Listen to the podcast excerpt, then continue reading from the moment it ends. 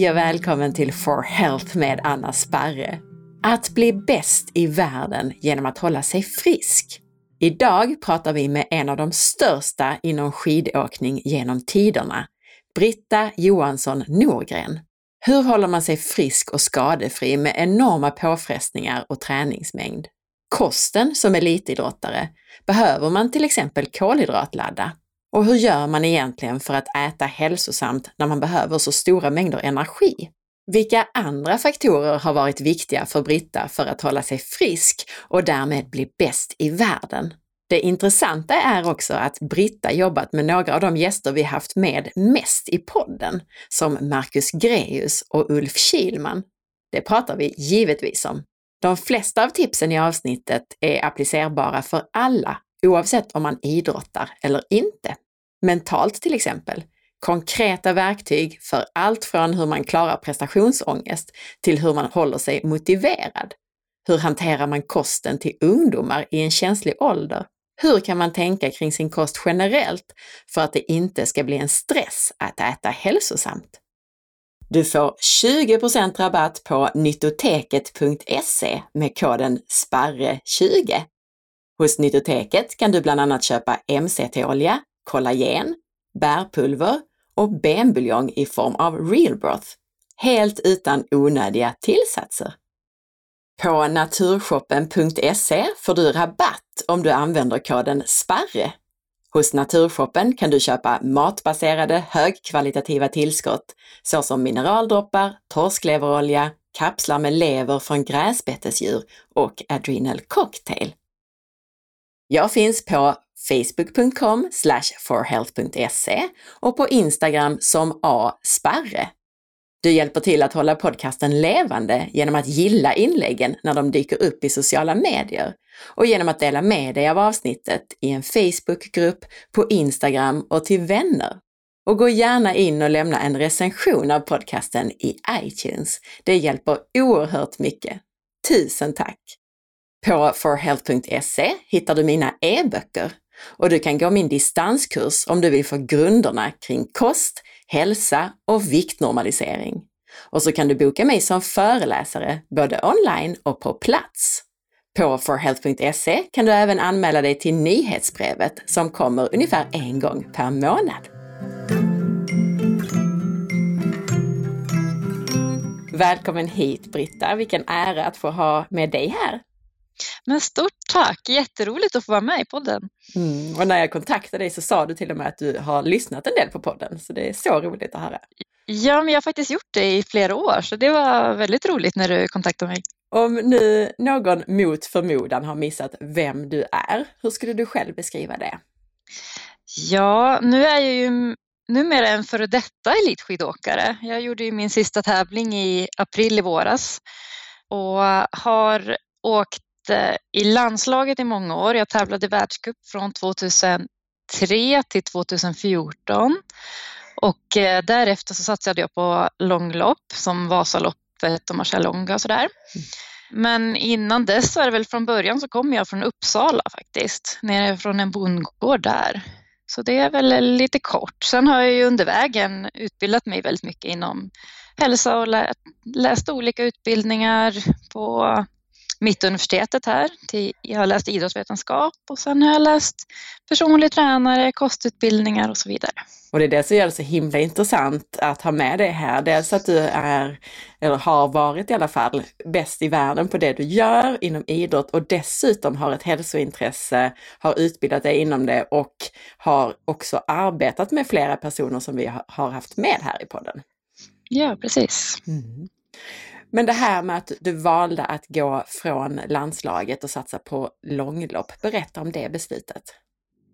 Ja, det är väl ett ganska, numera kanske inte lika speciellt, för nu har ju långloppen vuxit ganska mycket, men på den tiden så gjorde jag väl några val där som var lite annorlunda och jag hade ju många år i landslag och jag hade ju åkt både VM och OS och hade väl en ganska framgångsrik karriär men kände att det var ganska tufft. Jag trivdes kanske inte riktigt i den miljön. Hade lite problem då med där prestationsångest och, och trivas i. Det är en ganska hård miljö, landslaget, det måste man säga, att man tävlar om landslagsplatsen och ja, om du mm. inte presterar så får du inte tävla vidare och inte få någon inkomst. Alltså, det hade jag ganska slitit med och eh, valde dessutom där 2011 att skaffa barn, vilket är, inte heller på den tiden var riktigt okej. Okay.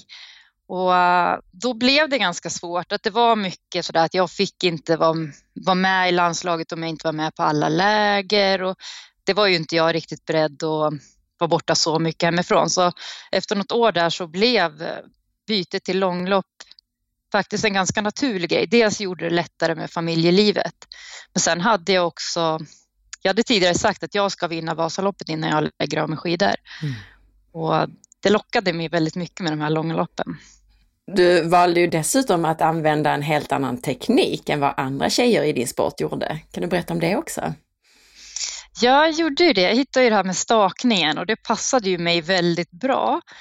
Och eh, det var också en sån här grej som var, alla tyckte inte att det var riktigt okej okay från början och fick ju ganska mycket kritik för det. Men där var jag också ganska bestämd att skulle jag bli bäst så, så var det ju på stakningen. Jag visste att andra, jag skulle ha svårt att bli bättre än andra på, på alla loppen då, när det var väldigt mycket uppför till exempel.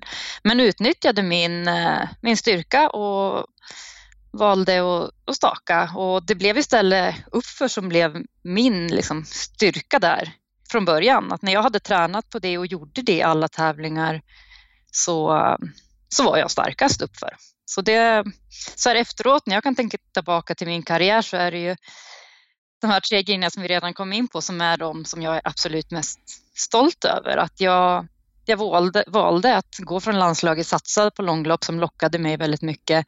Jag hade valt att skaffa barn, vilket inte heller var riktigt okej. Okay. Och sen dessutom liksom långsiktigt tänka att nej men ska jag bli bäst så är det på stakning och så köra verkligen all in på det.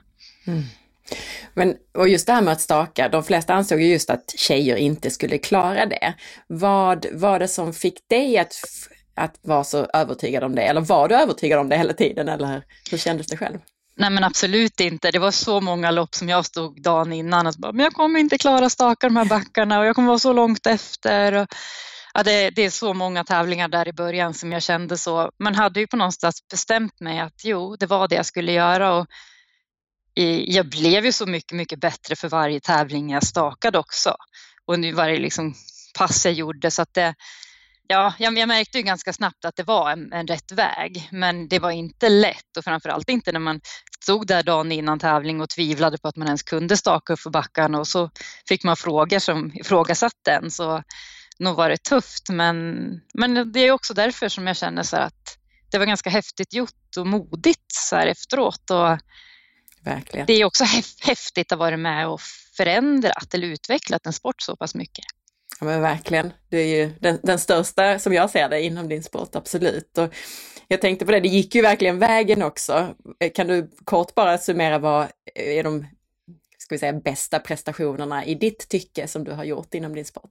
Oh, ja, alltså tidigare så har jag ju ett VM, silver, ett VM-brons eh, från 2009 och 2011. Eh, traditionellt då, och någon världscupseger sådär.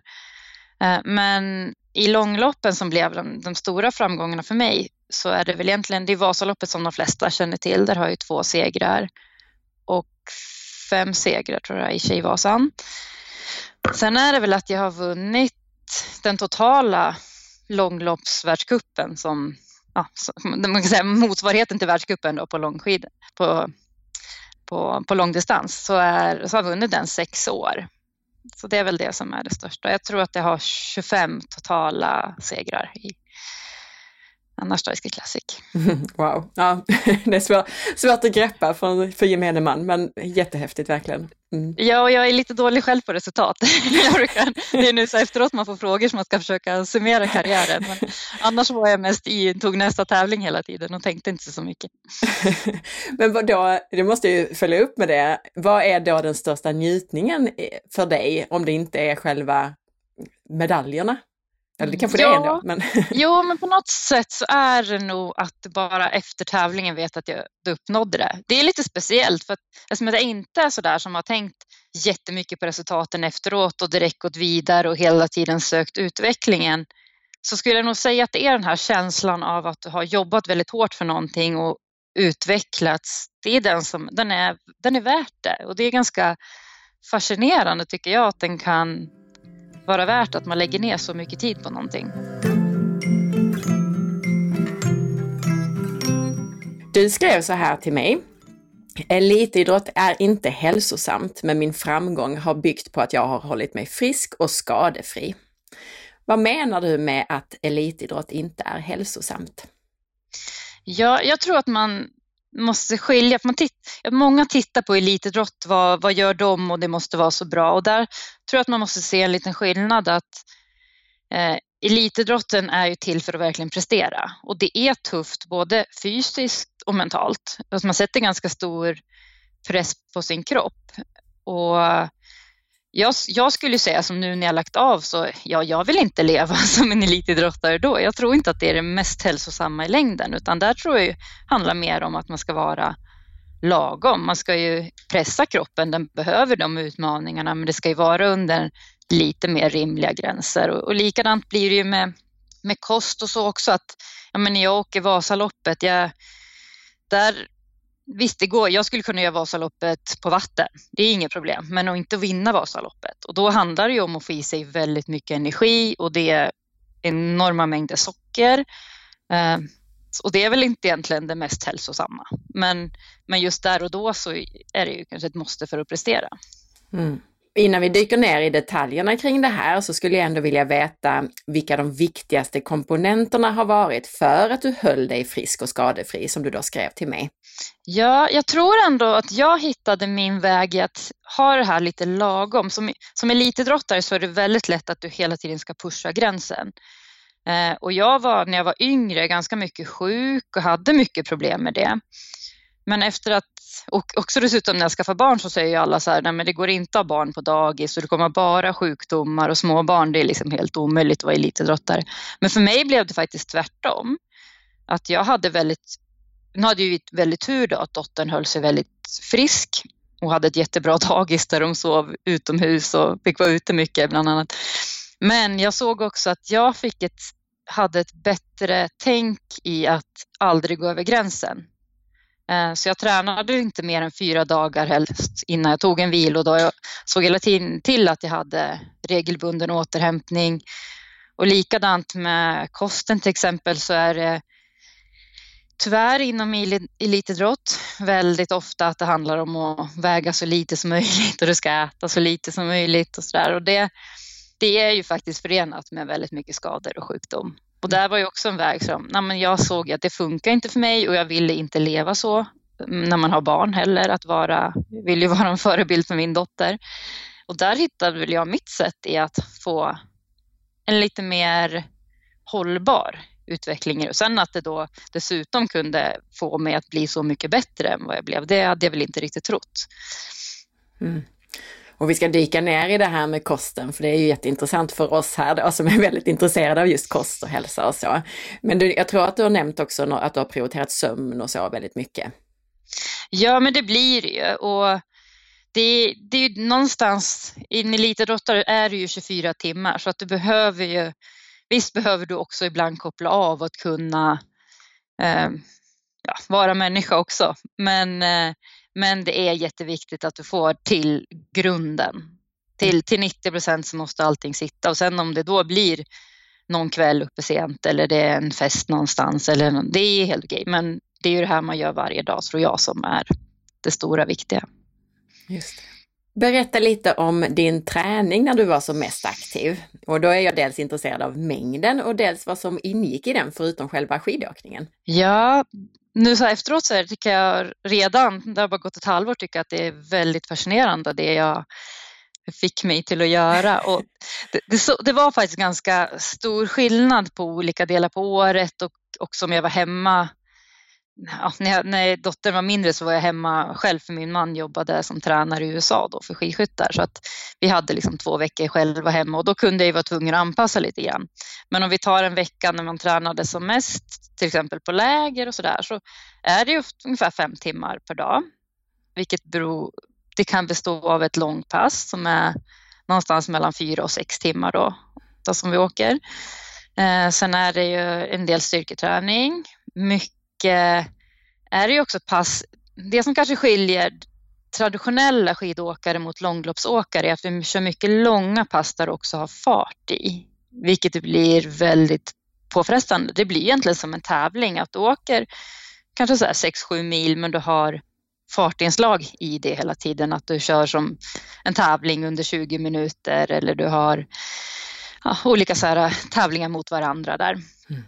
Så det blir ju tufft, det är ju enormt tuffa pass eh, såklart. Eh, men eh, för att vara bra förberedd då. Men det är också eh, skillnad, så mycket blev ju rullskidor, mycket stakning sista året, men jag sprang en hel del också.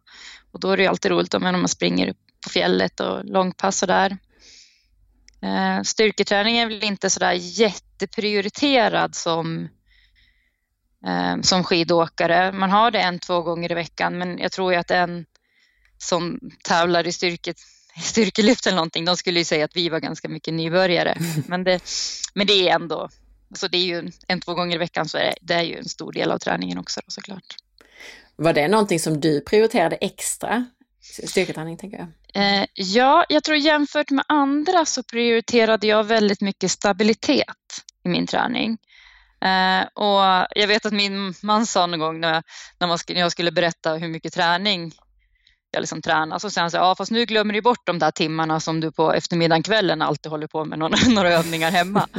uh, och, så jag la väldigt mycket tid på det för jag såg, det var väl en svaghet hos mig när jag var yngre. Att jag inte hade så, jag hade inte så stabila axlar till exempel och det syntes lite tekniken och sådär. Och, uh, och la väldigt mycket tid med det och någonting som som jag också såg en stor fördel i det, det var så att ja, man blir ofta lite, de flesta känner igen att de blir lite stel någonstans. Att, ja, men var alltid lite stel framsida lår eller något sånt där. Eh, men när jag började träna mycket mer stabilitet och bli liksom starkare på det sättet, då behövde jag inte stretcha lika mycket. Mm. Då höll det sig mycket bra. Så det tyckte jag var en eh, ja, men väldigt häftig upptäckt. Och, så jag har lagt väldigt mycket och mitt intresse växte för det här hela hela karriären och valde ju också hela tiden vilja lära mig mer, försöka utbilda mig inom det. Och, för jag tror ju att det är någonting som man glömmer bort lite grann.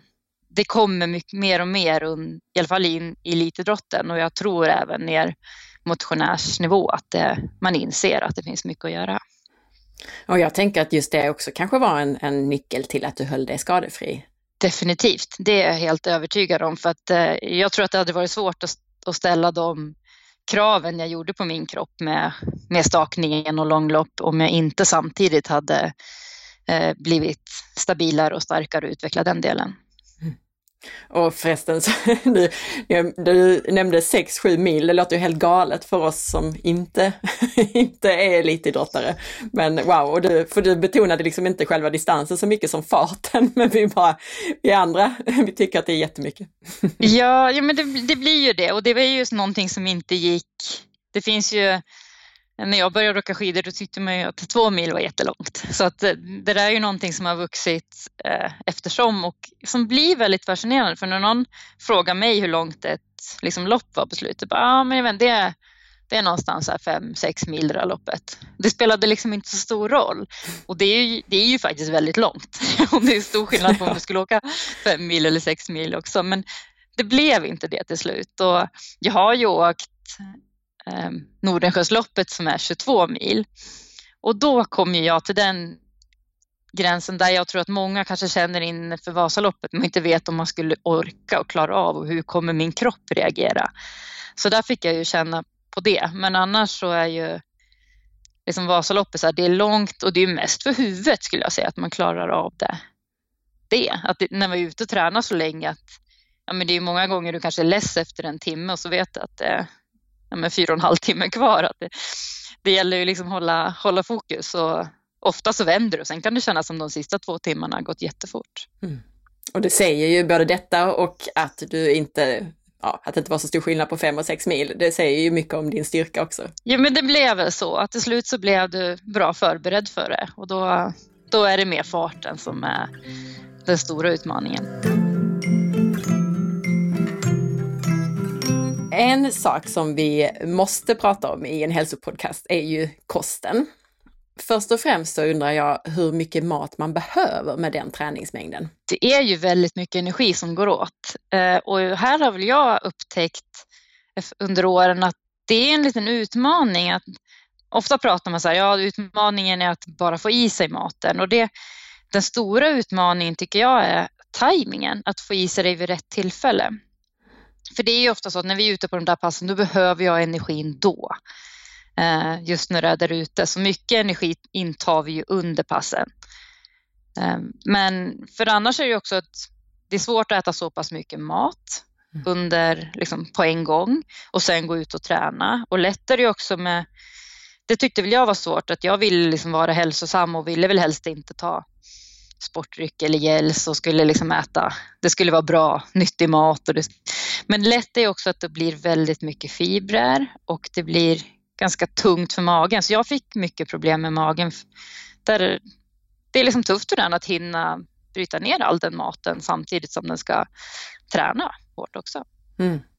Men har du något mått på alltså mängden energi som du stoppade i dig? Gjorde ni något uppmätningar på det på något sätt? Ja, så jag vet inte direkt. Jag tänker om du vill veta det i kilokalorier så där, men då, då kunde man ju ligga på 5000 mm. på en dag. Det är ju, det är ju mer än dubbelt vad liksom en vanlig, det är väl kanske tre gånger så mycket som en vanlig person som inte tränar gör med. Så det är ju stor mängd. Ehm, men sen blir det, alltså som säger att det, men i, i elitidrott så räknar man ju också så här, ja det ska ju vara viss mängd kolhydrater om du ska träna väldigt hårt. Där är det ju det är ju faktiskt så. Jag är ju kanske för en mer låg kolhydratkost till en som inte tränar. Mm. Men en som tränar väldigt mycket och tänker sig ska prestera så ser ju ändå fortfarande, ja, du behöver de kolhydraterna för att kunna prestera optimalt. Det, det är vad jag har sett på dem runt omkring mig och jag har faktiskt själv provat en del lågkolhydratkost och också andra runt omkring mig. Men jag kan ändå, skulle ändå säga det att där uppe på elitnivå så, så behöver du mycket kolhydrater och där har man ju räknat att det är ja, men 10 gram per kilo kroppsvikt per dag och det är ju enorma mängder. Mm. Och det är ju ingenting som du mår speciellt bra av att äta om du är ute och springer en timme bara. Exempel. Nej, precis. Men menar du då att du även gjorde detta för träning eller, eller var det skillnad när du laddade med kolhydrater inför träning och tävling? Ja, det skulle jag säga och olika i perioder. Jag kunde ha pass där jag inte hade kolhydrater och där jag åt mindre. Men när jag tränade som mest, när vi var på läger och jag verkligen skulle prestera, då åt jag mycket kolhydrater. Det jag kan se som skillnaden kanske mot förut, så var, pratade man mycket om, ja men det var kolhydratladdning, ja men du ska åka Vasaloppet, du ska ladda liksom sista tre dagarna när du ska äta och så stod du där på startlinjen nästan och bara mådde dåligt. Det har man ju frångått väldigt mycket. Och nu mera tar vi ju Alltså vi, äter, vi ser till att äta bra sista dagarna, ja. Men inte så stora mängder och inte, egentligen inte så stor ändring. Det är kanske att du väljer att ta lite kolhydratrikare livsmedel och kanske ta bort lite av, ja men om du äter någon sås, eller äta mindre av det just sista dagarna bara. Men, men annars inte så stor skillnad. Men sen under loppet tar vi väldigt mycket energi. Ja, för du sa ju innan att du skulle ju helst ha undvikit sportdrycker och gels och sådana här saker, i alla fall under träning. Men hur blev det med det egentligen? Ja, alltså under tävling så, men som långloppsåkare, då det kändes det som man levde på det och det, det var ju någonting som jag inte ville se direkt efter säsongen. Mm. Så, så läger och Eh, Eh, ja, men de tyngsta träningsperioderna och tävlingar så var det väldigt mycket sportdryck och, och gels och sådär för att få i sig energin. Och, och det är också det, det är svårt att få i sig kolhydraterna snabbt på tävling på ett annat sätt och som också magen ska klara av. Det. Så där är ju sportdryck väldigt bra. Men, men jag skulle ju, där, där måste man ju också skilja på elitidrotten och Eh, det du, tränar du en timme eller liksom, ja, men normalt, även om du tränar mycket så klarar du ju väldigt bra utan. Mm. Vi ska ju betona det också tänkte jag, just det här med vad magen klarar när man tränar. Alltså just när man, eh, är du under ett lopp och kroppen känner att du är ju, det är full fart här, du håller på att fly från en björn eller jaga någonting till exempel, då, då stängs ju i stort sett matsmältningen av. Så att det är ju svårt att äta någonting, precis som du säger, som kroppen och magen verkligen behöver bearbeta mitt när man är under ett lopp. Ja, det blir ju det och det blir lite samma också när man tränar väldigt mycket. Om man tränar två gånger per dag och sen ska du få in fem, sex timmars träning så blir det ju direkt egentligen, du äter och så har du bara en liten stund och sen ska du ut och träna. Så, så det är en tuff belastning för magen och där har ju många problem. Och det är väl där jag tror att man också måste ja, men hitta det som funkar för en själv och sen vara ha den här tajmingen och vara ganska dynamisk i att ja, men nu måste jag kanske gå på de här livsmedlen som du inte ser som mest hälsosam och sen eh, när du tränar lite mindre, ja men då, då får du ändra kosten till det och, och prioritera de andra sakerna. Sen skulle väl jag säga att det jag har sett eh, för min del som hjälpte mig att ofta så är det när man vill man vill bli bra i någonting och man vill också äta hälsosamt och så, där, så är det så lätt att allting blir förbjudet. Mm. Och det och tycker jag framförallt nu när man läser att ja, men du ska inte äta kolhydrater, du ska inte äta kött och det är, fisken innehåller bara tungmetaller, allting är liksom dåligt. Det tyckte jag var väldigt tufft att känna att ja, men det var bara ta bort, ta bort, ta bort. Det var lite så att där kände jag sen att jag måste ändra, ja men vad vill jag ha med istället? Jo, men jag vill ju ha med, jag tror att bär är jättebra. Jag tror att grönsaker är bra att äta och jag tror ju heller inte att allt kött är dåligt, att man ska, ska skilja på väldigt processat kött och jag har ju turen att få köpa älgkött och äta mycket det och det mm. Eh, och då, och jag tror så att, ja, men vad vill jag ha med? Och jo, men jag vill också ha med lite fisk för jag tror att det är bra. Och, så, och byggde kosten på de sakerna som jag ville ha med istället för bara vad jag skulle ta bort. Mm. Klokt. Och vad mycket trevligare dessutom. ja men det blir ju det, för det är, det är ju svårt det här. Alltså, när vi pratar hälsa, alla säger olika och, det, och så är det så lätt att lyssna på sin egen kropp men det, det är det ju tyvärr inte alltid, även om man önskar att det var så. Mm. Och du kom in här nu på det här med kolhydratladdning också och det var en av mina frågor och om jag ska summera det som jag tyckte du sa så är det väl att man kolhydratladdar inte på samma sätt längre men däremot så äter ni på den nivån och med den träningsmängden att ni äter mycket kolhydrater dagligen, alltså även vid träning. Och sen så då att kanske lite extra dagarna innan tävling. Men om vi nu pratar någon som kanske inte är riktigt på den nivån, Alltså många som lyssnar här äter ju någon form av lågkolhydratkost och eller paleo så att säga. Och vi har haft en del idrottare som har varit med här som då har dissat den här klassiska kolhydratladdningen, åtminstone omfattningen på den. Vad skulle du säga om kolhydratladdning för en person som kanske inte är på den nivån som du, men som ändå är en idrottare eller vad man ska säga? Ja, och jag skulle hålla med om att den traditionella kolhydratladdningen Alltså jag, den tror jag, de jag råder liksom inför Vasaloppet, hur de ska alltså den förstör så mycket mer än vad den ger. Eh, oftast kanske den ger en riktigt dålig tung känsla när du står på startlinjen eller ger problem med magen och sådär. Det är faktiskt inte så mycket skulle jag säga att du har ändå att hämta i. Att, att vara, har du bara tillräckliga kolhydratnivåer och det får du ändå ganska snabbt så, så behövs det inte så mycket extra innan utan då skulle väl jag mer råda att ja, men träna, träna dig på att ta upp kolhydrater under, under aktivitet. För det är ju någonting som man har sett i studier är väldigt träningsbart. Och också då ta energi under loppet istället för så mycket innan. Många eh, jobbar utifrån det där att man tränar lågt på kolhydrater för att få igång fettförbränningen och sen eh, äter lite mer innan lopp också. Är det någonting som är applicerbart på något sätt? Kanske inte på din nivå då, eller hur, hur ser du på det? Ja, alltså jag har tyckt att det har varit en väldigt intressant tanke och där har man väl, tycker jag, varit eh, lite oense i forskningen. Och inte se, för å andra sidan ser ju många att om du är van att ta kolhydrater så blir du väldigt mycket bättre på att ta upp kolhydraterna eh, under tävling också. Så att det, jag tror att det är två sidor att se på det där. Men, mm. och där tror jag också att man måste skilja på om det är du elitidrottare och varje sekund är viktig för att prestera. Då är det liksom, ja, då tror jag, jag har svårt att tro att du inte ska ta kolhydrater där.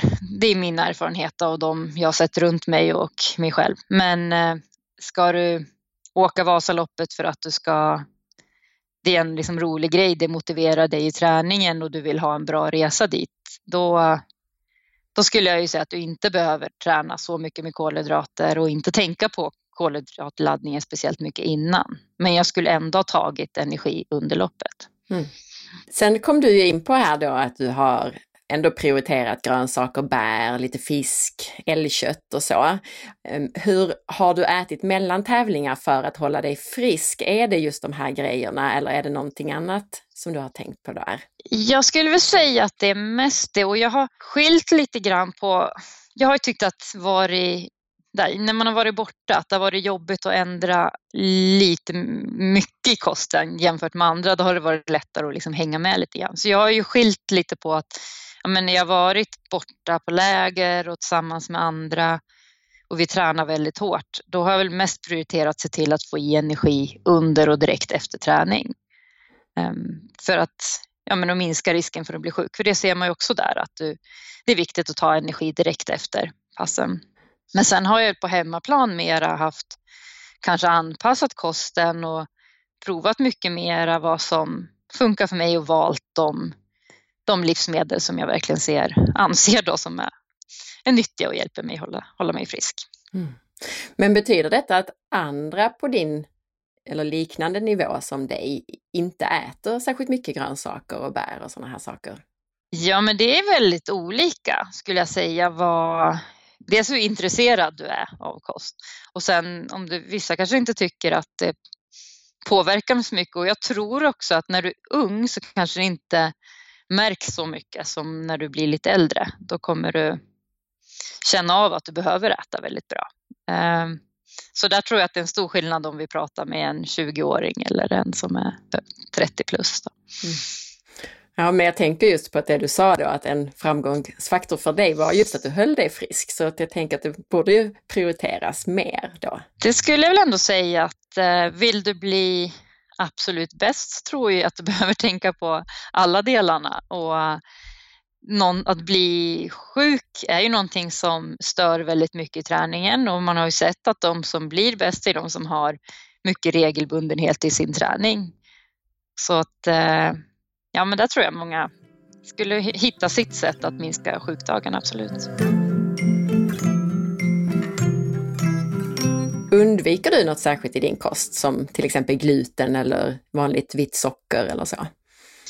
Ja, alltså där har jag varit lite provat olika saker och jag har ju Ulf Kilman som, ni har, som du har haft i podden och mm. vet jag jobbat med lite grann. Han vill ju att man inte ska äta eh, vete till exempel. Så jag har ju försökt undvika det så mycket som möjligt.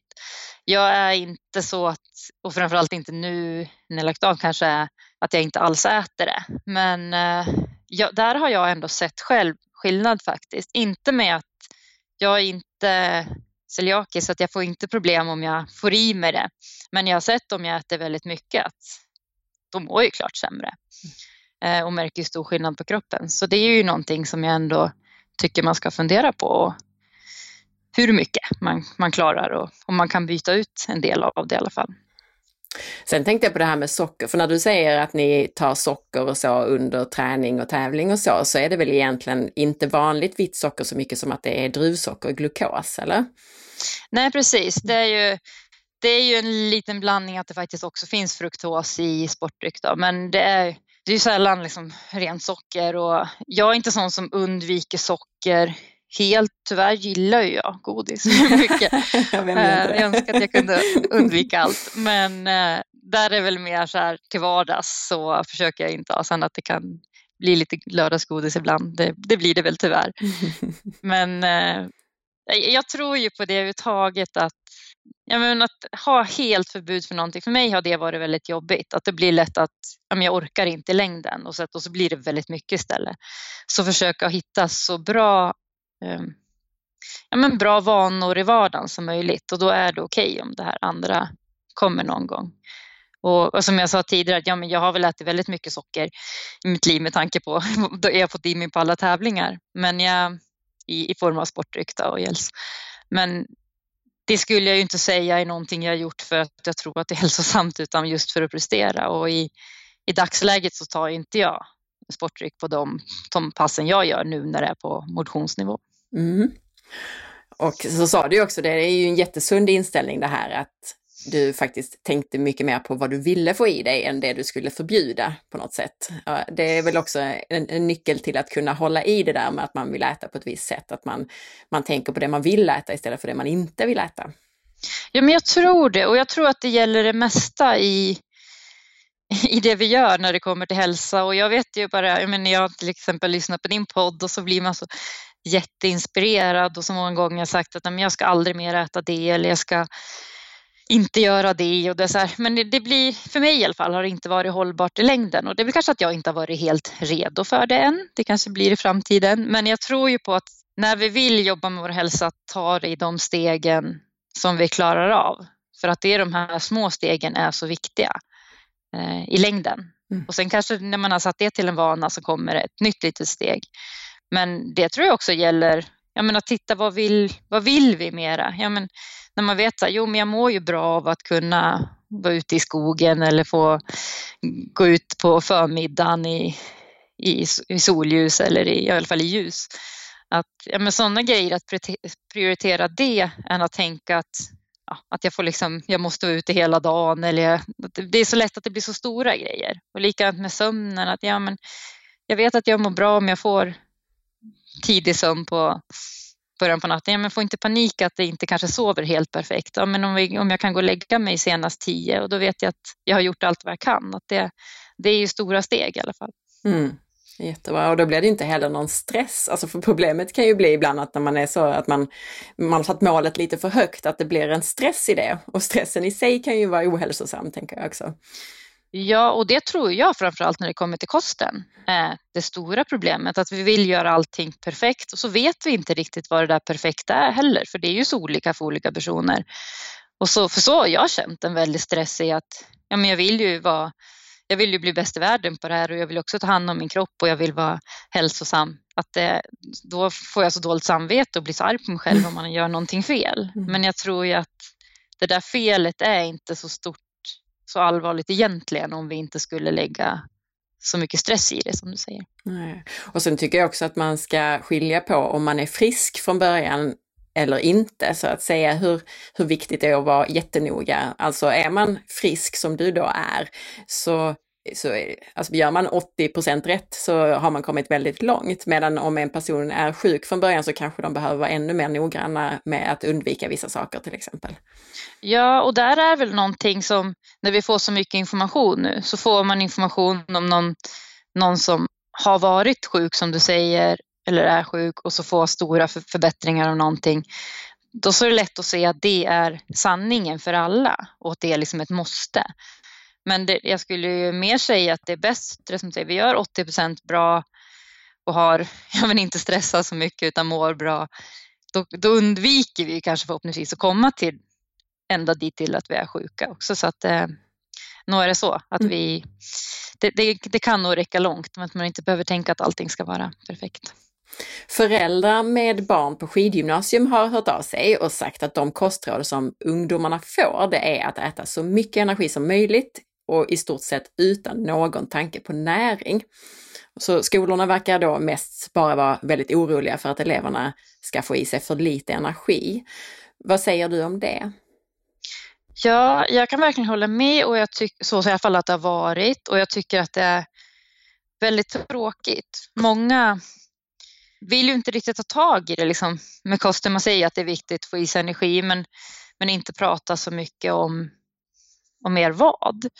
Eh, och jag tror ju att det, det gör det liksom en väldig osäkerhet hos ungdomarna att du bara eh, Ja, men dels är man rädd att prata om vikt, vilket kan vara ett stort problem. Men, men jag tyck, tror också att man gör det ännu värre. För om du då som tjej, framför allt kanske, med, kommer i den åldern du är på, på skidgymnasiet, börjar gå upp lite grann i vikt och så får du bara rådet att äta mer och mer.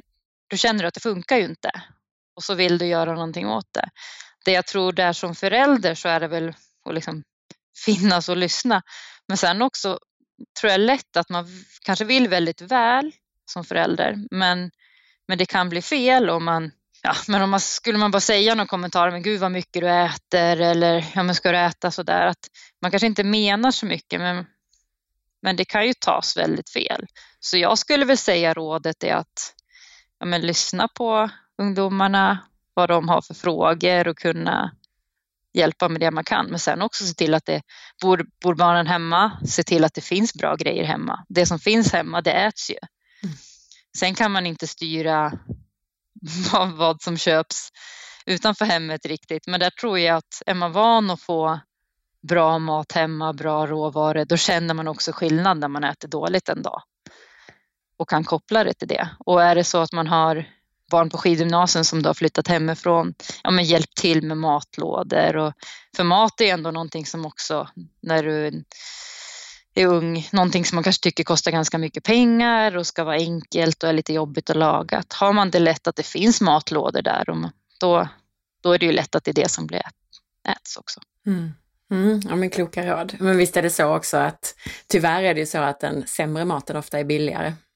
Det är ju det och enklare att ta. Och mm. det är liksom, ja men du har haft, men så är det ju när du är ung, ja men du har både skola och du ska träna och du kanske inte har det största intresset av, av matlagning, att, ja, men då blir det det som är enkelt. Och där tror jag man kan mest hjälpa till med att dels har man bra vanor hemifrån, då tror jag också enkelt. Man kanske har hjälpt till att laga lite mat hemma och man har lärt sig bra recept. Det kommer ju underlätta, men sen också man kan få, är man hem på helgen, man kan få med sig någon matlåda tillbaka till veckan så, så underlättar ju det också. Mm. Ja men tack för de råden. Tar du eh, personligen några kosttillskott? Jag har alltid varit lite försiktig med det. Det, det är också någonting som är elitidrotten som är väldigt jobbigt att du har ju alltid eh, ett eget ansvar för eh, om någonting skulle vara innehålla något otillåtet. Och det har jag tyckt varit väldigt jobbigt när man har känt att ja, men jag skulle vilja ta det här kosttillskottet och prova så, så, mitt råd där är ju till de som, som har framförallt barn på gymnasium någonting att man ska vara väldigt försiktig. Eh, så jag hade ju önskat att det fanns mycket mera ja, från RF och SOK där vilka tillskott som verkligen är okej okay och att de är testade och sådär. Mm. Eh, men annars så som nu när jag inte ska tävla mera så är det klart, ja, men jag blir ju mycket mer nyfiken på vad, ja, men vad, vilka kosttillskott skulle jag kunna testa? Men, men jag kommer ändå tillbaka lite grann till att ja, så långt som möjligt så vill jag ju ta bra mat. Och där blir det också att, ja men skulle jag vilja ta eh, ja, men D-vitamin kan det vara bra under vintern. Ja, men det kanske är ändå bäst att få i sig det från eh, någon fiskolja till exempel som, som innehåller det också. Så att eh, jag, jag, tror ju att så långt som möjligt så ska man ju tänka kost före kosttillskott. Och sen nämnde vi ju det att du har ju faktiskt jobbat med personer som har varit med i podcasten. Du nämnde bland annat Ulf Kilman och du har också arbetat med Marcus Greus. Kan du berätta lite om båda dem? Ja, Ulf var det faktiskt så att eh, när jag fick min dotter så Ja, men då när jag ammade så där var jag någon superwoman som bara körde på. Men eh, jag fick ju liksom lite betala tillbaka det. Jag fick en väldig huvudvärk som inte försvann en ganska många veckor. Och då hade jag eh, Anna-Karin, en tjej som, i laget som jag tävlade med och, och som gick hos Ulf och sa, ja men ska du inte komma till Ulf så jag hjälper dig att komma dit. Så det var så jag fick kontakt med honom faktiskt. Och han är ju en sån här person, ja, men många tycker nog mycket om honom och han är ju en otroligt gullig och fascinerande person. Och jag vet inte riktigt vad han, eh, hur han lyckades men jag blev ju av med min huvudvärk där och då och fick inte tillbaka den. Och där var väl jag lite så här, wow, det där var ju någonting häftigt. Så jag har ju haft kontakt med honom hela tiden och varit dit ibland och fått, eh, jag tycker att han är väldigt hjälpsam och väldigt gullig person. Eh, mm. vill väldigt väl. Och eh, Marcus var det ju så att jag var till eh, en annan tjej här i stan som eh, tipsade mig om eh, lite olika alltså, hållningsövningar och, och fick, fick mitt intresse för det där. Och så, så jag började testa lite och hon ja, bad mig googla på lite övningar och gav lite, nytt tips där. Och så tyckte väl jag att det här fick jag effekt av. Så då kontaktade jag först en annan person som var utbildad hos honom och gick där en gång och fick verkligen en wow-effekt. Att det här var häftigt. Så kände jag att nej, men jag måste ju faktiskt utbilda mig. Så då blev det så att jag gick hans utbildning. Mm. Så jag har egentligen aldrig själv varit hos honom på behandling då, utan det var genom andra som jag kom i kontakt med honom och kände att nej, men jag måste utbilda mig. Och han är också en sån här person som är så rolig. Det är så härligt med de som ja, verkligen brinner för det de gör och där det märks att de brinner för att lära ut det och vill, men vill verkligen väl. Det inte handlar bara om att tjäna pengar och så, utan det är, det är att de, de vill att andra ska också få, få ta del av det. Så att, eh, ja, men verkligen två personer som jag tycker har varit superhärliga att få träffa. Mm. Vad är de viktigaste lärdomarna från de personerna? Mm, ja, ja, men det skulle jag väl säga nu vet jag att de två också har jobbat lite med varandra ihop efteråt. Så där. Alltså det, allting går ju ihop, hälsan. Eh, men, men jag skulle ju säga att det är ju att se kroppen som en helhet. Alltså har vi ont någonstans, det, det kommer ju från någonting. Och både hos Ulf så kan man säga att du får ont i den här axeln på grund av någonting helt annat. Att kroppen, alltså, den, det är någonting som stör kroppen. Och, och likadant om man jobbar eh, ja, genom Marcus då, med övningarna och säga att ja, men det är, det är kanske sällan där vi har ont som vi behöver fokusera mest på från början. Det skulle jag nog säga att det, det, de har lärt mig mer av det här och se att kroppen alltid är en helhet. Vi, hur mycket vi än vill att det ska vara den här roboten som bara kan köra på och vi ska fixa en grej, symptomet och så, så är det ju inte så. Mm. Och just det här att du tränade sån här postural träning, optimum som Marcus då gör och som du då också gör nu för tiden. Och att du var hos Ulf, var det också nycklar till att du höll dig frisk och skadefri? Ja, men det skulle jag definitivt säga. Och jag tyckte ju att, jag tror ju att det här är liksom delar som har gjort att jag kunde hålla så pass länge som jag gjort och också hålla mig kvar i toppen. För jag utvecklade de här, de här grejerna var ju mest sista åren som jag utvecklade. Jag önskar ju så att jag hade gjort det redan när jag var 20. Men det, det, det visste jag ju inte då, jag hade inte bättre kunskap. Men, men jag tror ju det, att jag, eftersom att jag gjorde de här grejerna så, så blev jag bättre och kunde hänga med i, i utvecklingen eller också vara en del av utvecklingen som var. Och ja, men jag kände ju i kroppen att ja, men jag blev bättre och sen det märker jag ju också nu, det är ju svårt när man tränar så pass mycket för det, det krävs ju väldigt mycket då eh, övningar och så för att hålla allting bra när man ligger precis på den gränsen. Men jag tycker, eh, ja, men jag tycker att det har haft jättestor effekt, definitivt. Mm. Precis. Och visst är det intressant det där att man kan ofta säga sådana saker som man kanske inte var så kul när det hände, som den här huvudvärken du fick till exempel. Ofta när man tittar i backspegeln så kan det ju vara någonting som leder till någonting gott, alltså att man får någon form av problem. Ja men absolut och det kan jag säga genom hela karriären. Man önskar ju någonstans att man var den här som hade ja, men det bara gick spikrakt uppåt och jag tog det där OS-guldet och allting var liksom perfekt. Återigen det där perfekta vi strävar efter. Men, men för mig har det ju varit, jag hade ju absolut inte hållit på så här länge och jag hade inte lärt mig så mycket och fått vara med om så mycket grejer om det hade varit så. Mm. För jag tycker att jag har lärt mig väldigt mycket med både den, ja, med den mentala biten och om kropp kroppen, om hälsan. Jag har ju lärt mig massa saker som jag fått med mig av den här karriären som inte bara är resultat. Ytterligare en person som haft stor inverkan på dig och din karriär är Stig Wiklund. Vem är det och hur har du arbetat med honom? Ja, Stig är en mental coach eller rådgivare, som man säger. Och eh, jag fick kontakt med honom på skidgymnasiet faktiskt och det var en av mina jättebra tränare som jag hade som, som såg att jag hade väldiga problem med prestationsångest då och ja, men det var tufft att eh, ja, men klara av det här som jag sa. Men i skidåkningen är ju tufft att du ska prestera. Och då, då fick jag kontakt med honom och har faktiskt jobbat med honom sedan dess. Då. Så i över 20 år så var han ett väldigt stort stöd för mig.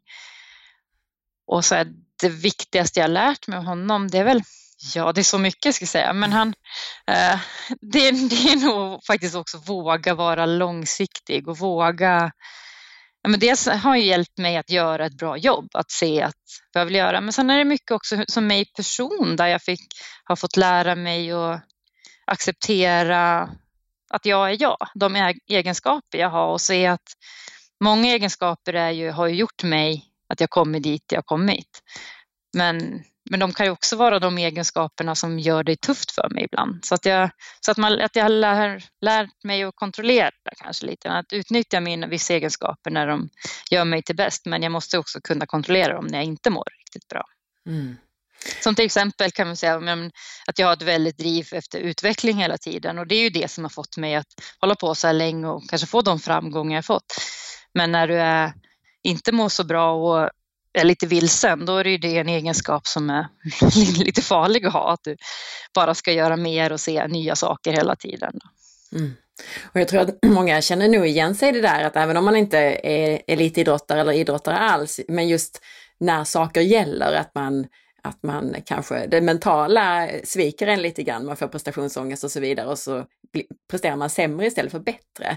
Mm. Hur, har du några tips? Alltså hur hanterade du det och hur skulle du rekommendera att man tar sig an det? Ja, men den första grejen är ju förberedelser. Ju bättre förberedd man är, ju mindre liksom, prestationsångest eller mm. nervös behöver du vara, för du vet vad du ska göra. Så det mesta handlar ju faktiskt om det, att du är, du är förberedd för det du ska göra. Ju bättre förberedelser du har lagt ner, ju bättre kommer det gå. Eh, men sen någonting som jag kunde tycka var lite svårt även senast år, det var ju när det har gått bra och så förväntas alla att du ska vinna en tävling lite grann. Och du kunde liksom bara nästan misslyckas eller göra andra missnöjda. Och där jobbar du väldigt mycket med tacksamhet, vilket är någonting som jag eh, tycker har stor effekt. Att när jag kunde stå på, på startlinjen och istället för att känna att ja, om jag stod på Vasaloppet och alla liksom kände som alla förväntade sig att jag bara skulle vinna det där loppet. Och då är det ju mycket beroende på vad de andra gör. Att istället för att fokusera på vad de gjorde så fortfarande fokusera på mig själv men också vara tacksam för att jag kunde vara där. Mm. Det är lätt att glömma det men vi har ju ofta mycket att vara tacksamma för som vi tar för givet. Så att jag kunde stå där på startlinjen med bra förberedelser och jag hade de som har hjälpt mig med skidorna och som hade liksom jättebra skidor och jag stod där och hade chans att få vinna Vasaloppet var en av de få som verkligen kanske var favoriter då för att göra det och kunna vinna pengar. Det är ju faktiskt någonting väldigt häftigt. Men det, det är lätt att glömma bort det där och då, att man ser det som en stor press bara. Mm, jättekloka råd det, och det kan ju alla applicera just det här att fundera igenom dagligen vad man är tacksam över. Det är ju super för hälsan och måendet.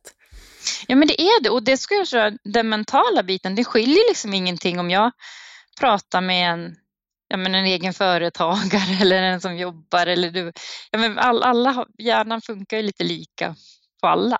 Så att eh, jag tycker inte att det skiljer. Och, och det, det skulle jag säga, men dels att bara kunna fundera på vad man är tacksam för är en jättebra övning och sen också en så enkel övning som att skriva ner bra saker.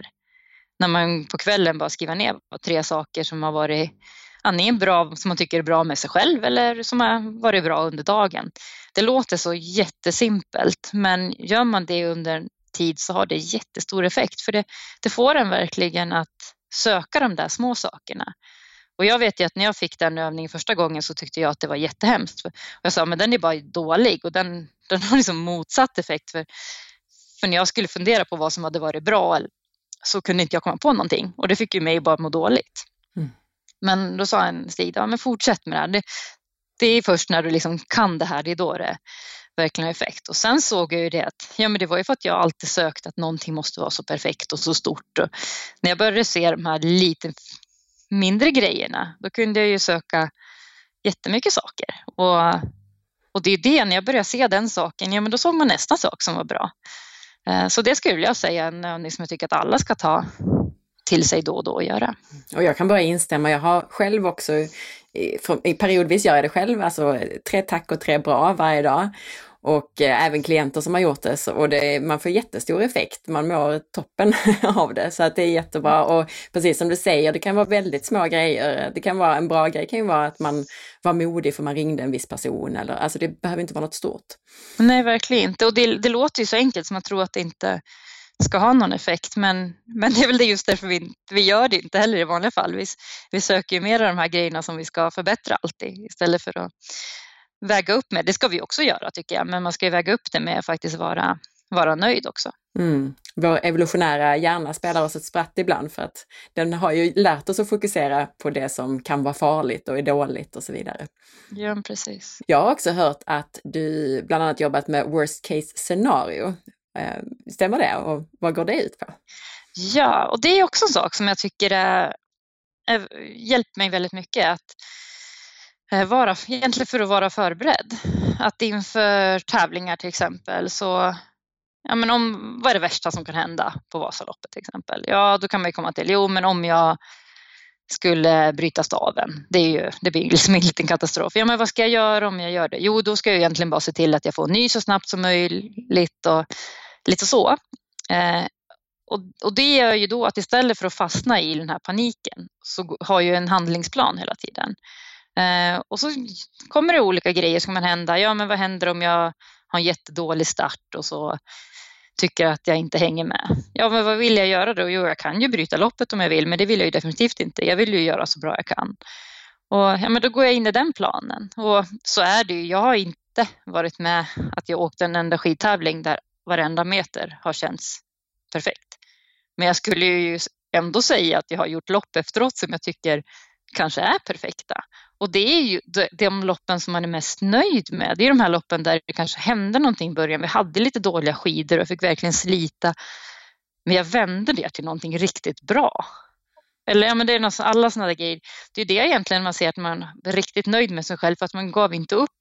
För då hade jag ju aldrig fått, då hade det blivit en dålig tävling definitivt. Jag fick ju aldrig veta om det hade kunnat bli bra i slutet. Eh, och, och, många gånger så tycker jag det är så att under lopp så har jag känt så här, jag har känt mig jättetrött och känt att jag kommer snart släppa här och det är så tungt. Och sen liksom bara någon minut senare så har nästan alla andra släppt. Mm. Och då är det så, ja, då har ju alla också tyckt exakt samma sak. Mm. Så då gäller det ju där att inte vara den som blir mest negativ, utan ja, men även om det är just tungt just nu så fortsätter jag. Och de här grejerna, där tycker jag är en sån sak att man faktiskt är, inte bara tänker på hur man vill att det ska bli som man skriver affirmationer och tänker på ja, hur, hur, liksom, hur drömscenariot är, utan man också tänker vad händer om det inte blir så? Vad är min handlingsplan där? Mm. Och vilket jättebra tips som del av det här som du sa att man ska komma väl förberedd till vad man nu än gör.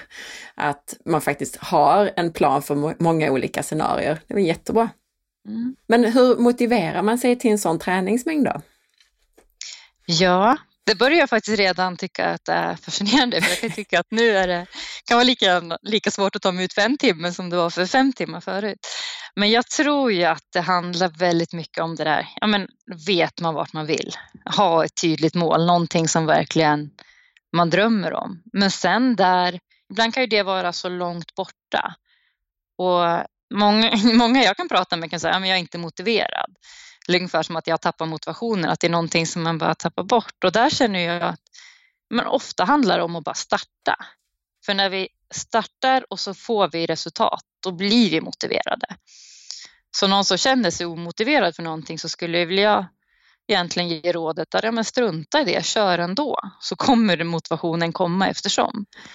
Men sen kan det också vara eh, ja, men att man delar upp det. Att det, om det är någonting som känns, stora målet det känns jättelångt bort och då, då kan vi nästan lika gärna ge upp. Men vi, återigen det där att ja, men allt behöver inte vara perfekt från början. Men om vi tar de där små stegen att eh, jag kör en bit av det. Ja, men när jag upp, uppnått det, då vill jag göra mera för då mådde jag bra av det. Så det, det är väl det råden jag skulle säga. Mm. Tusen tack för alla de här kloka råden, både råd och att du har berättat så mycket om dig själv. Kan vi summera eller kan du summera några konkreta hälsotips till gemene man där ute? Ja, vad skulle det vara? Ja, men det skulle väl vara framförallt ta reda på vad man vill själv. Det är så lätt att tänka på vad, vad man vill utifrån vad man känner att andra tycker att man borde vilja. Så hitta sitt varför. Eh, men sen också Eh, ja, men där också mer tänka på vad, vad man vill istället för vad man inte vill. Vad, som jag sa med maten, ja, men vad, vad vill jag ha med? Vad tror jag på där? Visst, du kanske tänker att ja, men det är inte jättebra att äta vete. Nej, men inte fokusera på att allt vete ska bort eller tänka att ja, men jag vill inte äta så mycket kolhydrater. Så kanske inte det viktigaste är inte att räkna kolhydraterna utan välja då livsmedel som man tycker passar bra i första hand. Och sen, ja men sen är det väl också se, det är så lätt att nu prata hälsa att det är träning och kost. Att det finns så mycket mer. Nu har ju stress också det blivit väldigt populärt. Men det är stress, det är sömnen. Jag skulle också säga att det är det här med att vara ute är så mycket viktigare än vad vi, vi tror. Vi glömmer bort det. Att, jag tror de flesta som känner har suttit still en hel dag att nej, man mår inte så bra. De där små grejerna, att vi inte sitter still för länge, att man är ute lite i dagsljus, de har ju också väldigt stor effekt, även om det kanske inte står lika mycket om dem i tidningarna. Mm. Och jag håller med dig helt där, det är verkligen så. Det är många som man fokuserar så mycket på minsta lilla detalj i kosten, men så glömmer man just det där att eh, men kom ut där på förmiddagen och mitt på dagen så, eh, så gör det kanske den stora skillnaden.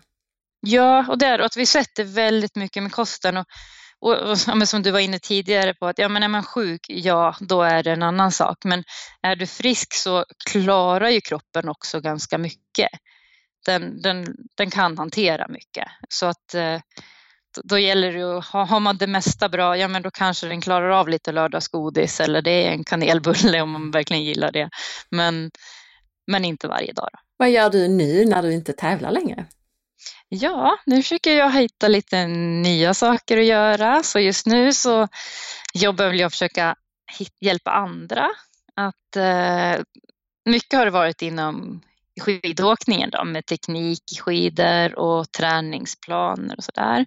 Men jag också har några som jag coachar mentalt och det är väl kanske det som jag skulle vilja hitta en lösning på sen att hjälpa jag menar, andra att se den här helheten som jag har fått med. Jag tycker ju kanske att, jag menar, att du har ett träningsplan, det, det är så, så mycket som ska till för att den ska bli, bli riktigt bra i slutändan. Du behöver få till de här andra grejerna också. Så att jag, vill ju hitta ett sätt att hjälpa andra få ihop helheten. Att vill du satsa på att åka Vasaloppet till exempel som många vill göra, men då ska du kunna göra det att du mår bra på resan. Att du behöver inte känna att du försaka familjen eller jobb eller något sånt, utan du får ihop allting med, med mentalt att må bra och du får till en, en kost och en träning som, som du känner att du klarar av att må bra av. Mm. Är det idrottare bara som du coachar mentalt eller är det vem som helst som kan komma till dig?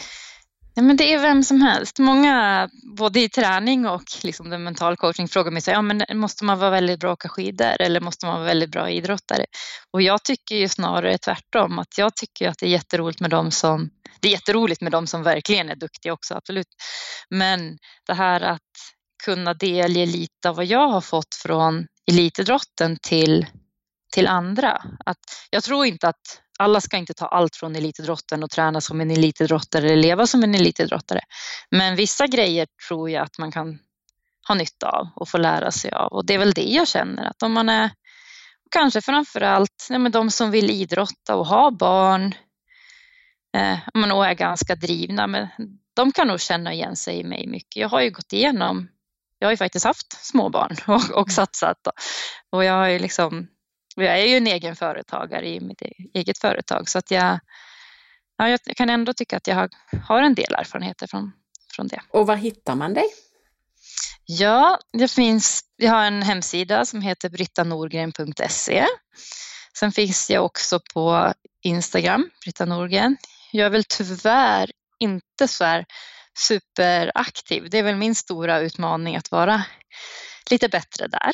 Ehm, men det är väl de eh, tror jag, bästa ställena och jag finns också på Facebook. Men jag tror att du har lättast att hitta mig på brittanorgen.se eller på Instagram, Britta Norgen. Och då det är bara att höra av sig om man har några frågor eller någonting. Mm. Är det någonting som du tycker att vi har missat här idag att prata om?